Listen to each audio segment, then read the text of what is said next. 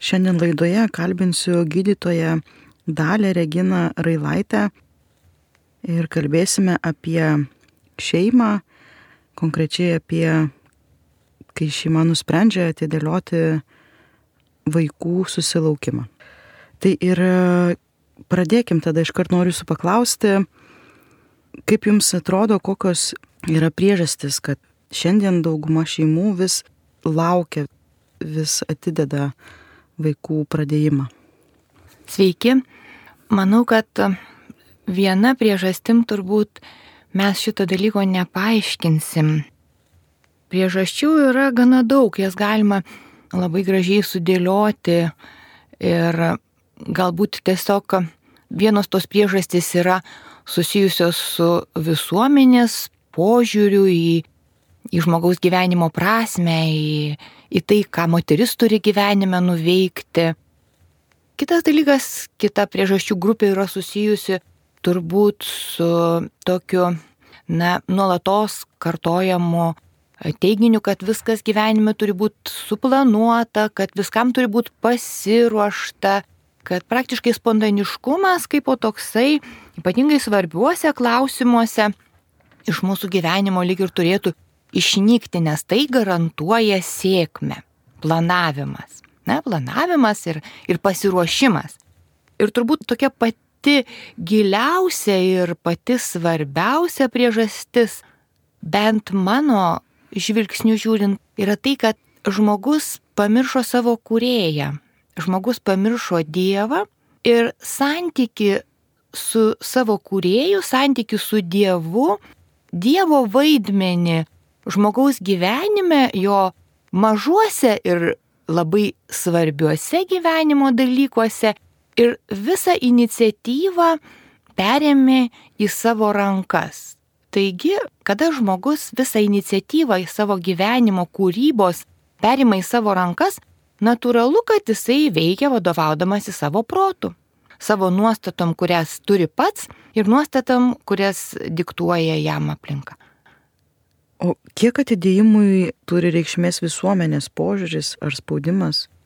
Tai e, be abejo visuomenės požiūris yra labai svarbus ir mes dabar žiūrėdami į tą pasaulį, kuriame gyvename, iš tiesų galima pasakyti, kad tai yra vis dėlto labai stipriai egoizmu ir savanaudiškumu nuspalvintas pasaulis. Žmonės labai atvirai deklaruoja, kad tu turi elgtis taip, kaip tu nori, taip, kaip tau patinka. Ir vat su tuo iš tiesų yra susijęs ir jaunų žmonių, ypatingai jaunų žmonių požiūris į intimumą, į intimius santykius, į skaistumą, į gyvenimą drauge, kada tas gyvenimas turi prasidėti, kada turi prasidėti intimų santykiai, apskritai mes kalbėjome apie skaistumą, kas tai yra skaistumas. Ir kada iš daugybės informacijos priemonių, iš, sakykime, netgi tokios visuomenės nuostatos, taip šaukte šaukia tai, kad tu turi viską išbandyti, tau nereikia savęs riboti, kad yra skaistumas, lytiniai santykiai šeimoje, susilaikimas nuo tam tikrų neskaiščių minčių, žvilgsnių, kalbų, tai yra, nu, tai yra visiška atgyvena. Taigi, ypatingai jaunam žmogui yra sunku susigaudyti. Ir mes suprantam, kad mūsų gyvenimas šiuo metu, mes gyvename miestuose, ar ne, miestuose, kur nuolatos aplink mus yra daugybė žmonių. Kitas dalykas, mes gaunam labai daug informacijos, ne vieni iš kitų tiesiogiai tarkim, ten, atsakykim, tėvai auklėja vaikus, ar ne?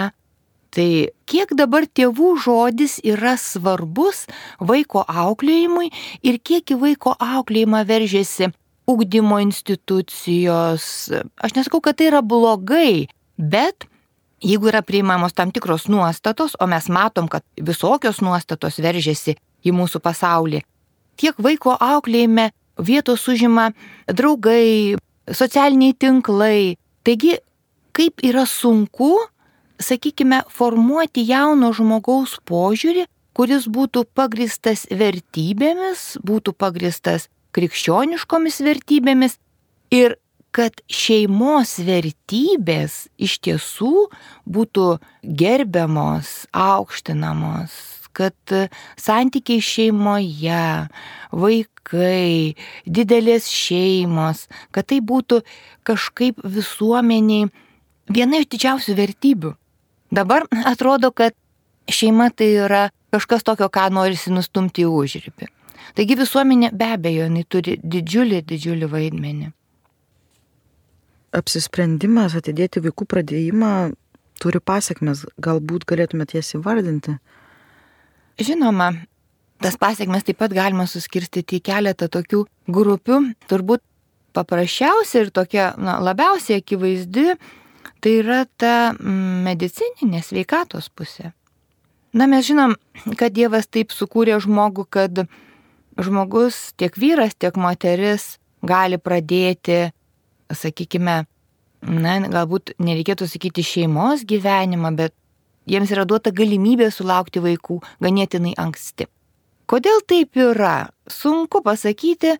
Turbūt mes suprantam, kad yra skirtingos kultūros ir ir skirtingi požiūriai į ankstyvą neštumą ir ankstyvą gimdymą, bet kaip bebūtų, vis dėlto gimdyti vaikus yra jaunų žmonių reikalas. Tai yra akivaizdu. Jaunų žmonių, kurie dar yra sveiki, mažiau turintys įvairiausių lėtinių lygų, kurias norom ar nenorom, mes per gyvenimą jau nuo 20 metų gana intensyviai kaupiame. Taigi Jauno žmogaus kūnas, jaunos moters, jauno vyro kūnas e, yra žymiai lankstesnis, daug greičiau prisitaiko prie įvairiausių, sakykime, neštumo metu, vad kalbu jau dabar konkrečiai apie moterį, reikalingų pokyčių, kad tas vaikelis galėtų aukti, sklandžiai aukti ir sėkmingai gimti. Vėlgi, jaunas žmogus neturėdamas netgi tokio na, sakykime, laiko ir žalingiems įpročiams įsigalėti, nors aišku dabar mes matom, kad labai anksti jaunimas pradeda ir piknaudžiauti, ir, ir svaigiais gėlimais, ir, ir narkotikais netgi. Tačiau vis tiek tai yra labai didelis skirtumas, ar tų vaikelių bandoma sulaukti tada, kada dar kūnas yra jaunas ir ganėtinai sveikas, ar tada, kada jisai, na, sakykime, saliginai sveikas, bet jau yra stipriai subrendęs. Ir mes suprantam, ir e, medicinos mokslas sako, kad jau e, planuojant šeimą virš 30 metų atsiranda ir įvairiausių e, vaiko lygų didesnė tikimybė, taip mamos lygos įtakoja neštumo eigą, dažnai iš tiesų ir pačio gimdymo eigą, ir visokias komplikacijas. Taigi iš fizinės, medicininės pusės gimdyti vaikus reikia anksti. Kitas dalykas, kada jau pradedamas e, tas neštumas planuoti, sakykime, po 30, o dažnai net ir po 35 metų, tai vėlgi akivaizdu, kad ir požiūris pačios moters į gyvenimą, į vertybės, į priemonės įvairias, kaip auginti vaikus, yra tikrai pasikeitęs. Na, tikrai nenoriu sakyti, kad vyresnės moteris blogiau augina vaikus, tikrai tikrai ne. Bet jauni žmonės, jie pasižymi tam tikrų požiūrio lengvumu. Lengviau į viską žiūri, mažiau sureikšmina, mažiau bijo, kažkaip turi daugiau optimizmo, kad viskas seksis labai gerai. Tuo pasižymi jaunystė ir tai yra tikrai labai gera. Ir tai yra tikrai labai svarbu. Aišku, kad vyresnės mamos e, yra irgi labai puikios, labai geros, labai subrendusios, bet kada pirmas vaikutis atsiranda, sakykime, virš 35 metų, jau mama daug labiau sureikšmina įvairius dalykus, jai daug sunkiau kažkaip optimistiškai, paprastai su pasitikėjimu pasižiūrėti į kai kurias labai paprastas vaiko problemas. Dar vienas dalykas, ką turbūt reikėtų būtinai paminėti, tai ir tai, kad Jeigu savo pirmą vaikelį moteris pagimdo, tarkime, na, tarp 20 ir 25 metų, nu, ne, netgi tarp 25 ir 30 metų, tai labai tikėtina, kad jinai apsispręs gimdyti ne tik antrą, bet ir trečią vaikutį. galbūt net kartais ir ketvirtą, ir jai tas viskas puikiai seksis. Bet kada jinai apsisprendžia savo pirmą vaikelį gimdyti po 35 metų, žinoma, nori jį paauginti, taigi jau taip visiškai ir e, svarstant labai paprastai, jau ir nuovargis, galų gale ir ta sveikata, kartais te leidžia ją apsispręsti tik tai tam vieninteliam vaikui, na, maksimum dviem. Žinoma, tai, ką aš sakau, nėra absoliutus dalykai, bet vis dėlto tam tikros tendencijos matosi. Dabar, jeigu mes žiūrėtumėm iš dar tokios vat medicininės sveikatos pusės, tokios fizinės ir psichinės vaikų gerovės pusės, ar ne? Tai vaikams iš tiesų tikrai yra žymiai geriau aukti didelėse šeimose, negu aukti vaikui vienam. Nežiūrint, kokį mylinčių žmonių būri senelių, tetų, pedagogų, ugdytojų tėvai gali suburti aplink savo vienintelį vaiką, auklių, prižiūrėtojų vis tiek niekas taip gerai neugdo vaikų, kaip augimas tarp kitų vaikų, ar ne? Ir čia nei darželis, nei mokykla negali atstoti to ugdymo, kuris vyksta šeimoje, ar ne? Vaikai susitarė, susišneka tarpusavyje ir vieni kitus supranta, iš tikrųjų, nu nepaslaptis daug geriau negu suaugusieji, ar ne? Ir didesnėse šeimose vaikai ne vieną kartą tekio yra pastebėti, jie yra stipresni savo nuostatose, jie jaučiasi saugesni, nes jie namuose, šeimoje, jie yra ne vienas ir turi tokių pačių panašaus supratimo labai neseniai tą kelią praėjusių brolių ir seserų. Galų gal ir tėvai, žinot, nu jie pamato, kaip auga vienas vaikas, tada kai auga kitas vaikas jau taip nebebijo vienokio arba kitokio spogelio, ar ten bėgančios nosės, ar ten paraudusio užpakaliuko. E, jų patirtis leidžia kažkaip blaiviau žiūrėti į įvairias tas vaikystės, kūdikystės, tokias negandas. Ir tai yra tikrai labai labai svarbu. Galų galia vaikai labai gerai kartais įsiaiškina tarpusavėje be suaugusių daugybę problemų, kada suaugę įsikišę kartais gali visiškai ne, ne tą linkmę pakreipti tuos sprendimus. Mokėjimas dalintis ar ne, mokėjimas suprasti vienas kitą. Didesnė šeimoje be abejo visada mes galime to tikėtis daugiau. Aišku, vėlgi noriu visada pasakyti, negalime suabsoliutinti šitų dalykų. Iš tiesų vienas dalykas yra, kada šeima susikūrė vėlai arba dėl kažkokių priežasčių to vaikelio nėra, bet kada tiek santoka, tiek vaikų gimimas sąmoningai yra atidedamas ir planuojamas pagal tokį, sakyčiau, na, gana ribotą žmogaus supratimą. Vis dėlto mes turime nepamiršti, kad kuriejas davė mums šitą dovaną pratesti gyvenimą vaikuose, ar ne? ir į jo planą, į jo žvilgsnį turi būti orientuojamas ir derinamas ir mūsų žvilgsnis, vis dėlto paliekant tą, tą erdvę Dievui mūsų gyvenime veikti. Aišku, Dievas mums leidžia elgtis ir pagal savo planus, bet ar tai, ar tai visada gaunasi gerai, tai mes iš tiesų tą galim pamatyti. Ir dar vienas dalykas, ką būtinai taip pat turėčiau paminėti, tai vėlgi, neštumo atidėjimas nėra toks paprastas dalykas. Ypatingai jeigu žmonės gyvena drauge ir turi bendrą būti. Jeigu gyvena žmonės drauge ir turi bendrą būti, jie turi žinoma ir bendrą intimų gyvenimą. Ir tai yra problema. Nes jeigu aš nenoriu vaikų, jų šiuo metu dar neplanuoju, kažkaip turiu suktis. Ar ne kažkaip turiu suktis. Vėlgi, tas bandymas kažkaip suktis, na, yra susijęs su daugeliu galimybių, sakykime, kažkas išmoksta planuoti šeimą natūraliu būdu, nors labai abejoju, ar tarp žmonių, kurie gyvena nesantuokoje, sakykime, ar ne, tik tai, tik tai kartu, vesdami bendrą būti, labai yra populiarus natūralus šeimos planavimo būdas. Dažniausiai reikia imtis kažkokiu tai šeimos planavimo priemonių.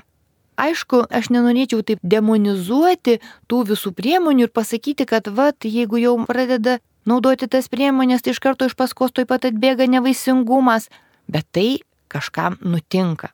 Kažkam taip nutinka. Deja, mes ateiname iš tą pasaulį su labai tokiais nevienodais, na, vadinkim, vaisingumo rezervais. Vienos moteris yra be galo vaisingos ir jos gimdytų ir gimdytų vaikus, ar ne, jos lengvai pastoja, lengvai nešioja. Tarp kitko ir vyrai taip pat, ar ne, yra labai vaisingi vyrai ir mažai vaisingi vyrai. Sakykime, ir šitoje situacijoje, jeigu moteris vis tik tai gimė ir yra su gana nedideliu vaisingumo rezervu dėl įvairių priežasčių, jai neštumo atidėjimas gali būti lemtingas ir tada, kada jinai tų vaikų nori, nepriklausomai nuo to, kokias priemonės jinai naudojo tam atidėjimui. Na, turbūt tik tai kaip išimti jau pasakyčiau, kad neštumo nutraukimas tai realiai tai iš tiesų yra pati blogiausia priemonė, kuri dažnai užkerta kelią toliau susilaukti vaikučių vėliau, kada jau ateina tas noras, vadinkim, ar ne? Taigi tas neštumo atidėjimas, kokias priemonės moteris benaudotų, labai priklauso nuo to, kokį jinai vaisingumo tą rezervą turi. Lygiai taip pat ir vyras tikrai nepaslaptis, labai daug dabar apie tai kalbama, kad vyrų vaisingumas katastrofiškai mažėja. Ir jauni vyrai yra žymiai labiau vaisingi negu pagyvenę vyrai, ar ne? Ir jeigu moteris ir vyras yra panašaus amžiaus, arba vyras jeigu yra vyresnis, tai vėlgi ir jo šansas susilaukti vaikų taip pat mažėja amžiui bėgant. Žinoma, Kaip jau minėjau, prisideda lygos, prisideda problemos, mes nežinom, koks yra aplinkos poveikis, o įtariam, kad jis yra gana nemažas, ar ne, ir magnetinio lauko, ir visokių užterštumo elementų, ir maisto. Taigi gali pasirodyti tada, kada jau tų vaikų norisi, vaikų nebėra. Vėlgi neiškart dar ir paaiškėja. Tarkime, jeigu moteris arba pora nusprendžia, kad planuos vaikučius, sakykime, 36-7 metų, tai jiems dar turi palaukti bent metus porą, kad galų gale paaiškėtų, kad vaikučių susilaukti jie negali.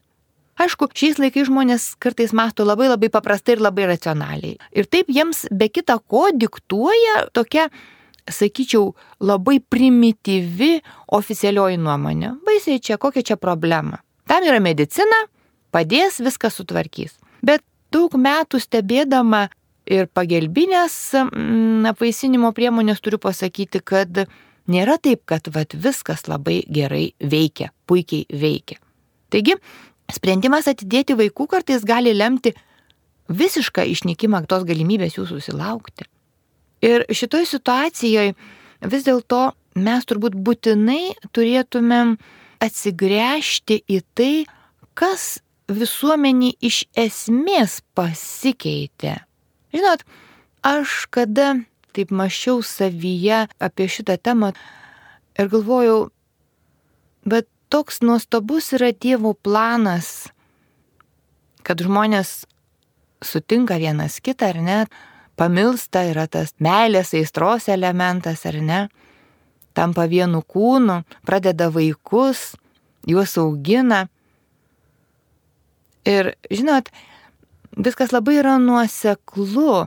Ir niekaip negaliu nepaminėti, kad man atrodo, kad čia ypač galingai veikia tamsos jėgos. Per visą va tą visuomenės lėtą visuomenės požiūrio keitimą, išstumint tai, kas žmogui yra prigimtinio, labai gražaus ir kas garantuoja jam laimingą ir sveiką gyvenimą.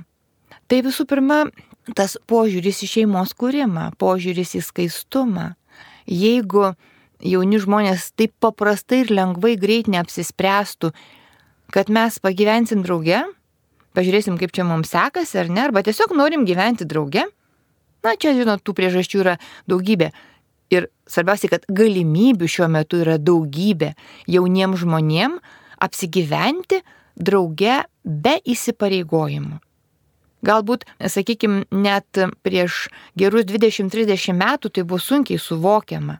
Aš jau nekalbu apie tai, kas tai buvo gerokai anksčiau, ar ne? Taigi be įsipareigojimų žmonės susitinka ir iš tiesų jie turi savo gyvenime viską, tik tai neturi įsipareigojimo vienas kitą mylėti, gerbti ir gyventi šeimoje. Taigi jie gyvena gyvenimą ir kokį čia skubėti? Ar ne, kokį čia skubėti, jau atrodo gal tas gyvenimas ir dėliojasi, susikūrėm būti, po to yra labai svarbu karjera.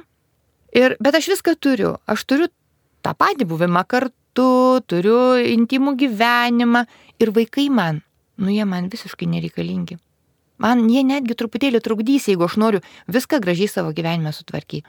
Tuo tarpu, jeigu mes imam tą kitą variantą, kad žmonės, vat, sakykime, susitinka, pamilsta vienas kitą, arba atsiranda kažkoks tai jų vidinis ryšys, jie nori būti kartu, bet jie nemato kito kelio būti kartu, kaip tik sukurti šeimą su įsipareigojimu, ar ne?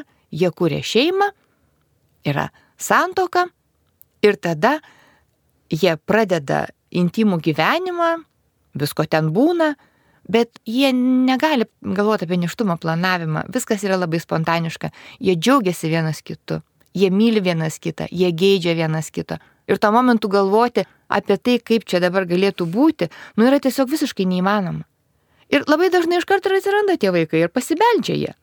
Ir, nu, nemačiau nei vienos nesužalotos sielos moters, kuri nesidžiaugtų, kada pajunta, kad ten yra nešia.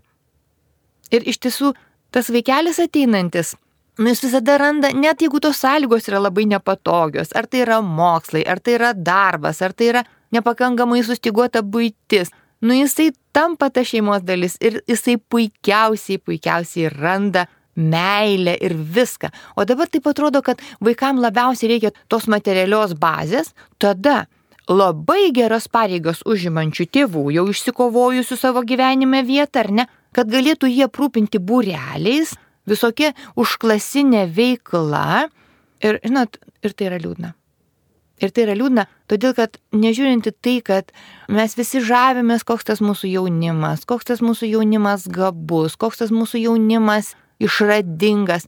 Taip, taip, iš tiesų gabus, išradingi, bet klausimas, kaip yra su jų dvasia? Vat šito viso planavimo pasiekmė tai yra skurstanti jaunų žmonių dvasia. Nes kada tėvai taip susiorientuoja į vertybės, kurios yra jų pačių sukurtos, jie tiesiog pamiršta tą patį svarbiausią ir patį gražiausią dalyką, kas yra žmoguje, ką Dievas davė, tai yra dvasia. Ir ta dvasia skursta. Ir ta skurstanti dvasia visokiais, visokiais būdais šaukia. Ir, žinot, aš nemanau, kad tai yra paprasta paraginti, paskatinti jaunus žmonės netidėlioti šeimos kūrimo. Nemanau, kad tai yra paprasta, tai yra labai labai sudėtinga. Bet irgi tai viskas prasideda šeimoje. Kokioje šeimoje vaikai auga, kiek meilės jie toje šeimoje randa, kaip jie auga, kokia yra jų aplinka, tėtis, mama. Taip jie formuoja vėliau savo pasirinkimus. Kur yra pastatoma materija, geras aprūpinimas ar ne, kokia svarba yra suteikiama santykė su bendrystė. Ir čia yra viskas tikrai labai labai sudėtinga, už tai aš ir sakau, labai nuosekliai ir išradingai veikia tamsos jėgos. Tam, kad tam, kad atitrauktų žmogaus žvilgsnį nuo, nuo to, kas jame yra gražiausia, tai yra dvasia. Ir net tie visi talentai, kuriuos taip stengiasi tėvai kartais vystyti, ar ne, jie iš tiesų laikui bėgant tokios vertės didelės ir neturi, kaip tai, kas yra vat, bazinės, pamatinės krikščioniškos vertybės, kurios vis dėlto mano galva tai gali tik tai tokioj gražioj krikščioniškoj šeimoje formuotis. Nors aišku, žinot, negalima sakyti, kad nekrikščionės mamos, pažiūrėjau, nemyli savo vaikų arba ten jomis nesirūpina. Aš manau, kad daugybė žmonių, kurie šiai dienai nepriklauso bažnyčiai ir net ne, neakcentuoja savęs kaip tikinčiais, iš tiesų yra dar tik žmonės, kurie dar tik nesutiko Dievo bet jį tikrai tikrai sutiks. Ir Dievas jau dažnai būna įdėjęs į jų širdį va tą, tą kibirkštį ieškoti tikrų dalykų. Ir tikrai ieško. Ir tikrai ta šeima yra gyva. Ir aš pažįstu, turbūt ir jūs pažįstate daugybę šeimų, kurios yra nuostabios, su būriu vaikų. Ir iš tiesų, vat, tai ir yra viltis, kad kaip beveiktų visuomenė, E, nuomonė, politika, tam tikros tendencijos tengiančios apskritai iš mūsų išmesti supratimą, kad mes esam vyras ir moteris sukurti vieni kitiems. Vis dėlto Dievo pergalė yra jo mums pažadėta. Ir šeima tai yra tai, kas yra pagrindas. Minėjot, kad atidedant vaikų pradėjimą gali atsitikti taip, kad jau vėliau nebepavyksta susilaukti vaikų. Tai a, kas ištinka tokią porą? Na, turbūt pirmas dalykas, kas jie ištinka, tai liudesys. Liudesys. Iš tiesų tai yra, tai yra tikrai labai skausminga situacija, kada žmonės negali sulaukti vaikų.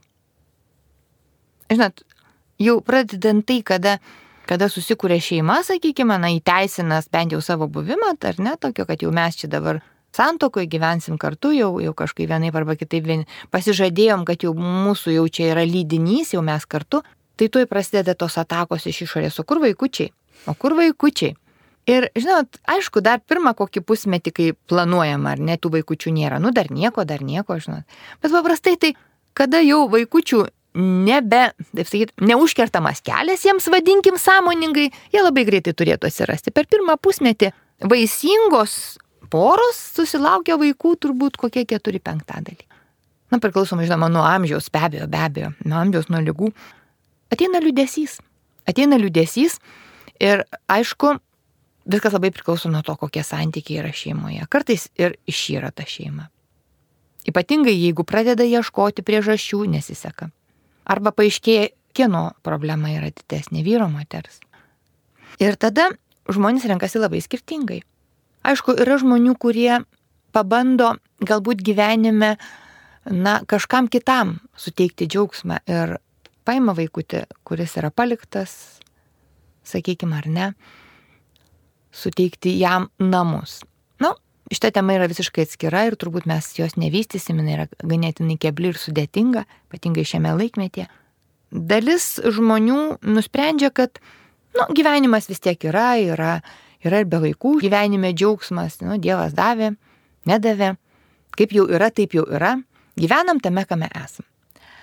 Dalis turbūt didžiausia dalis vis dėlto jausdami tą poreikį ir visuomenės spaudimą ir savo vidinį tą troškulį kažkaip tai realizuoti save, kas irgi yra ganėtinai liūdna, kad per tai žmonės per vaikus bando realizuoti savo neįvykusias svajonės ar ne. Tai pradeda tų vaikųčių ieškoti medicininiam priemonėm. Ir aišku, ir aišku, čia yra labai sunkus kelias. Ir kartais tos pagalbos reikia labai nedaug, o kartais metų metais tęsiasi tas kelias ieškant vaikų, kartais jisai nuklysta į, į labai labai keblės rytis, į visokius donorinius dalykus, surogatinės mamas ir taip toliau.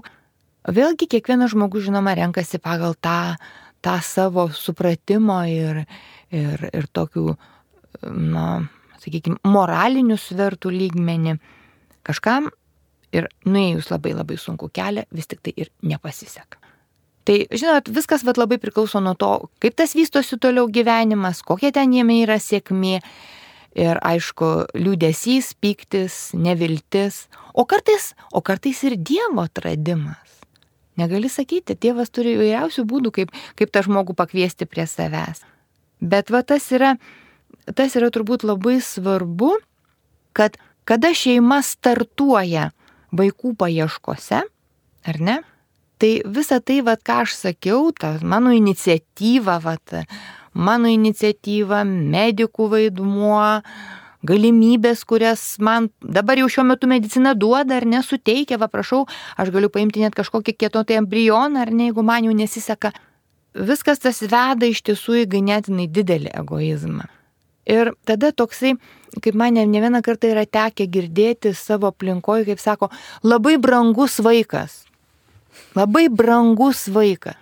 Žinot, nu man tas pasakymas, jisai mane verčia iš kojų, nes aš nežinau, vaikas negali būti nebrangus. Net jeigu jis yra nebrangus tėvams, jis yra brangus Dievui.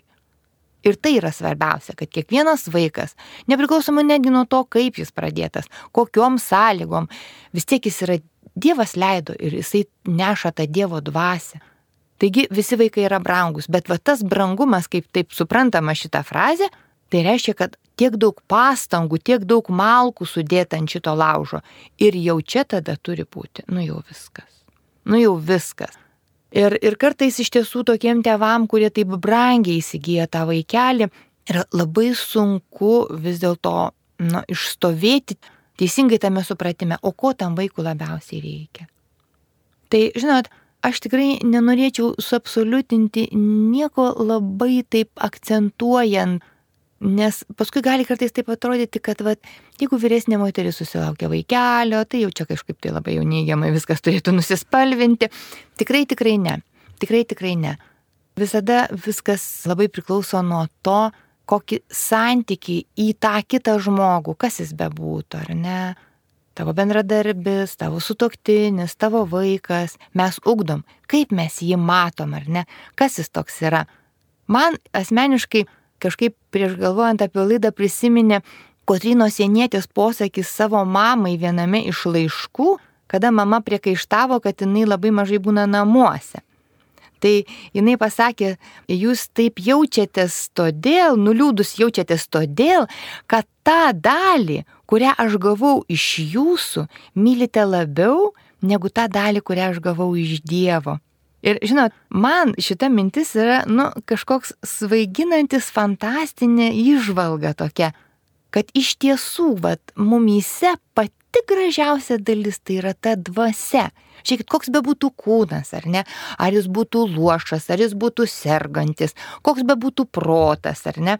Vis tiek Dievo dvasia yra. Kartais mums nepažini, bet tai yra gražiausia, kas yra žmoguje. Ir vad būtent nepriklausomai nuo to, kada tas vaikelis ateina, kaip jis ateina, vis dėlto būtų gera, kad tėvai sugebėtų šitą dalį, kad jis yra Dievo vaikas, kad jis yra Dievo dvasia, išvelgti ir mylėti labiausiai už bet ką. Bet vėlgi, Dievas sukūrė žmogų geidžiantį vienas kito anksti. Taigi turbūt, kad ir kelias į šeimą tam, kad jis būtų labai sėkmingas, turi prasidėti tikrai žymiai anksčiau, nei dabar yra linkstama. Tai jau tikrai taip. Tokiamis nuostabiamis mintimis ir baigime šią laidą. Šiandien laidoje su mumis buvo gydytoja Dalė Regina Railaitė, laidą vedžiau aš, Laima Lekavičiūtė. Sudie. Sudie.